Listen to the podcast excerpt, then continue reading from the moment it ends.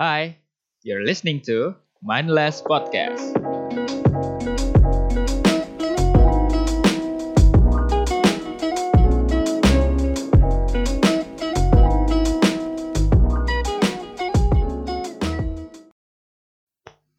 YouTube. Kini, platform itu mungkin sudah menjadi bagian dari kehidupan semua orang.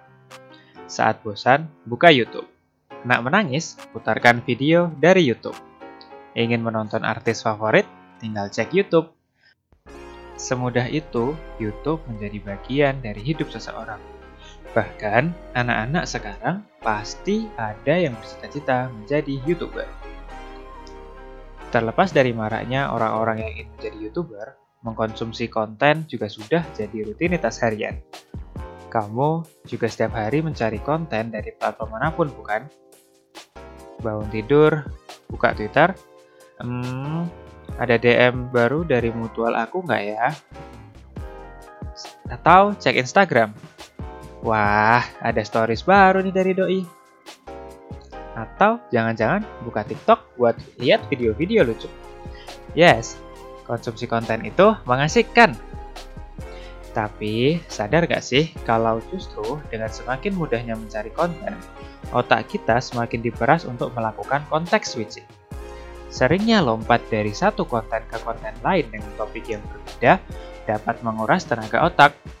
Untuk mengimbangi kelelahan otak ini, kita perlu slowing down.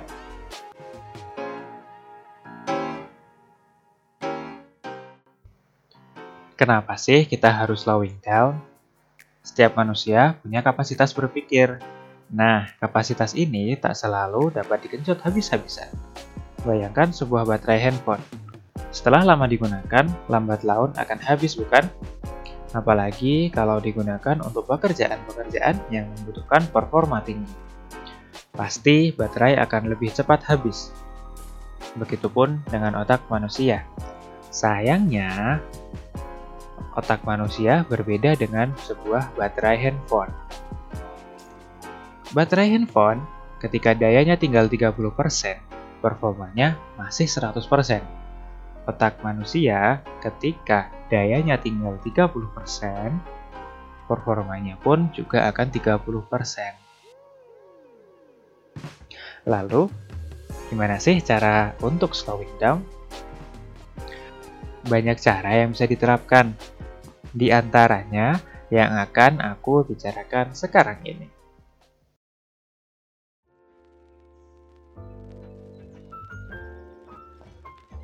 Cara pertama, kurangi membuat keputusan sekecil apa pun. Ketika kamu ditugaskan menjadi ketua tim, kamu dituntut untuk membuat banyak keputusan.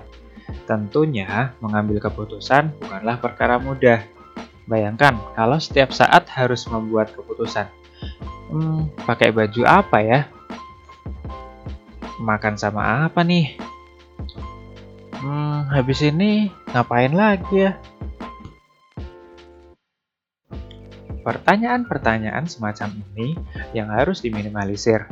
Sepele memang, tapi akan sangat berdampak ketika terjadi secara terus-menerus. Lalu gimana sih buat kurangi ambil keputusan? Menurutku ada dua cara. Yang pertama, kamu bisa mulai hidup sederhana. Bukan berarti secara ekonomi ya, tapi secara gaya dan pola hidup.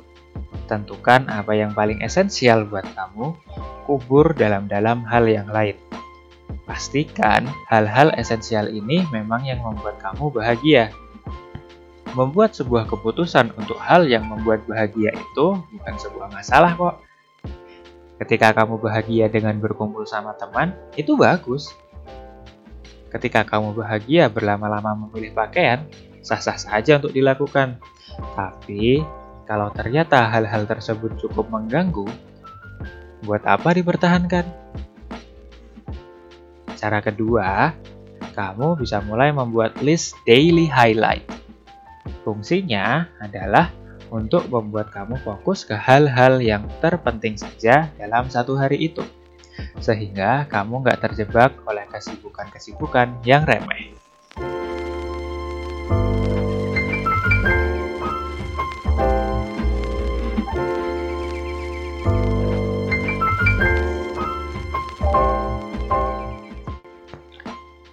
Cara nomor dua, perhatikan di mana kamu menaruh perhatian kamu. Punya banyak teman, menekuni banyak hobi, dan gak pernah ketinggalan tren sepertinya seru. Tapi kebayang nggak kalau sebenarnya waktu dan tenaga kita ini sedikit? Pertanyaannya adalah, apa benar hobi kamu itu bermanfaat buat kamu? Atau jangan-jangan cuma menghabiskan waktu? Apa iya kalau ketinggalan tren, kamu bakal merasa sedih sampai rasanya hilang arah. Coba pikir ulang.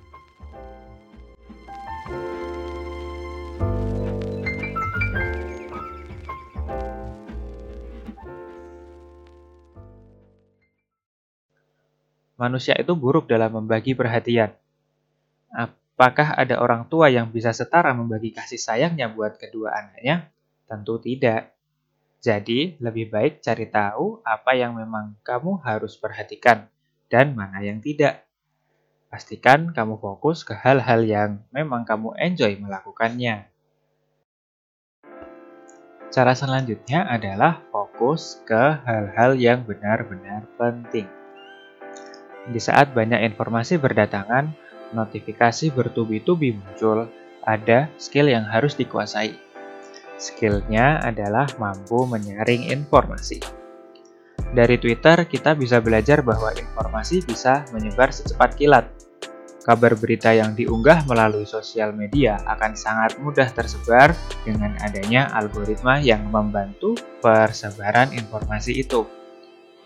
Dalam handphone pun ada fitur push notification yang membuat semua notifikasi dapat muncul secara real time. Tentu kita nggak akan mampu buat selalu mengikuti hal itu. Membiasakan diri untuk menyaring informasi tidak sulit kok. Sayangnya, kita ini mudah banget buat terdistraksi, terutama oleh bunyi notifikasi dari handphone. Unfollow orang-orang yang jarang memberi manfaat, hapus aplikasi-aplikasi yang jarang digunakan, dan yang paling utama adalah matikan fitur push notification atau setidaknya gunakan fitur Do Not Disturb di handphone. Yang gambarnya bulan itu loh biasanya.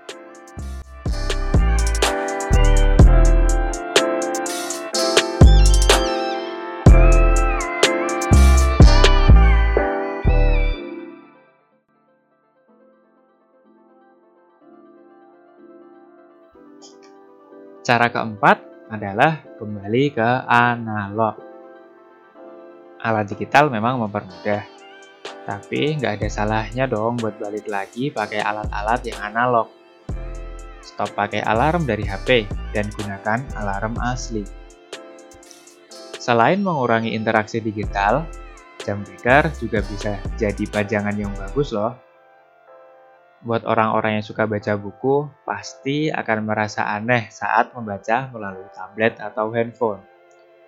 Sensasi menyentuh kertas, membalik halaman demi halaman, itulah yang akan ditemukan dari buku-buku digital. Begitu juga ketika menulis.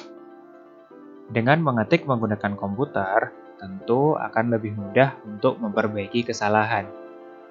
Tapi, nggak ada kok yang bisa ngalahin rasa menggoreskan tinta di atas lembar kertas tuh. Coba deh rasain. Coba tantang diri sendiri untuk offline, setidaknya sehari dalam seminggu. Dengan offline, kamu bisa mengenal diri lebih dalam lagi. Gunakan waktu itu untuk menulis, menggambar, main video game, yang offline tentunya, agar bisa mengenali diri lebih dalam lagi.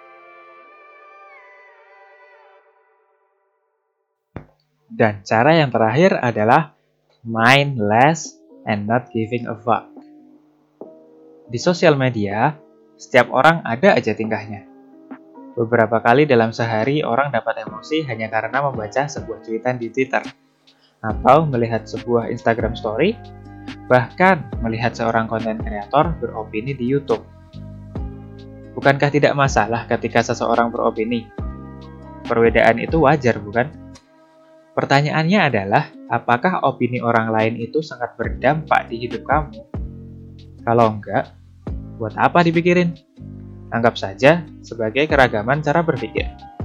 Opini orang tidak selalu harus disetujui kok. Yang harus selalu dilakukan adalah menghormati pendapatnya. Dengan tidak terlalu memikirkan pendapat orang lain, kamu pasti akan lebih tenang nantinya. Waktu kita itu terbatas. Dari rata-rata hidup selama 60-70 tahun, mungkin hanya sepersepuluh dari waktu itu yang bisa kita nikmati untuk diri sendiri. Kapan kita bisa mencintai diri sendiri kalau masih sering hanyut bersama arus kehidupan? Kamu punya orang-orang terdekatmu yang paling kamu sayangi. Kamu punya agenda yang sangat penting yang harus kamu perhatikan. Dan yang paling penting, kamu punya diri kamu sendiri untuk dicintai. So, will you mind less? This is Amarili Suta signing off. See you in the next episode.